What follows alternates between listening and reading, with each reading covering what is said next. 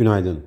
Türkiye Cumhuriyeti Merkez Bankası dün açıkladığı enflasyon raporunda yıl sonu enflasyon beklentisini %58'den %65'e, 2024 yıl sonu enflasyon beklentisini %33'ten %36'ya yükseltirken 2025 yıl sonu beklentisini %15'ten %14'e düşürdü.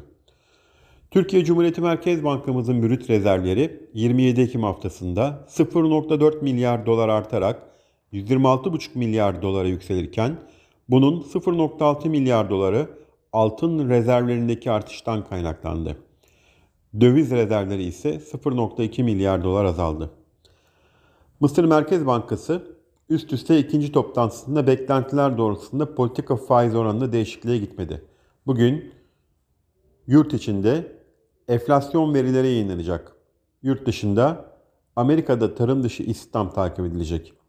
Bu sabah Asya endeksleri hafif alıcılı bir görünüm sergilerken Amerika'da vadeliler yatay işlem görüyor. Borsa İstanbul'da hafif alıcılı bir başlangıç öngörüyoruz. İyi günler, bereketli kazançlar.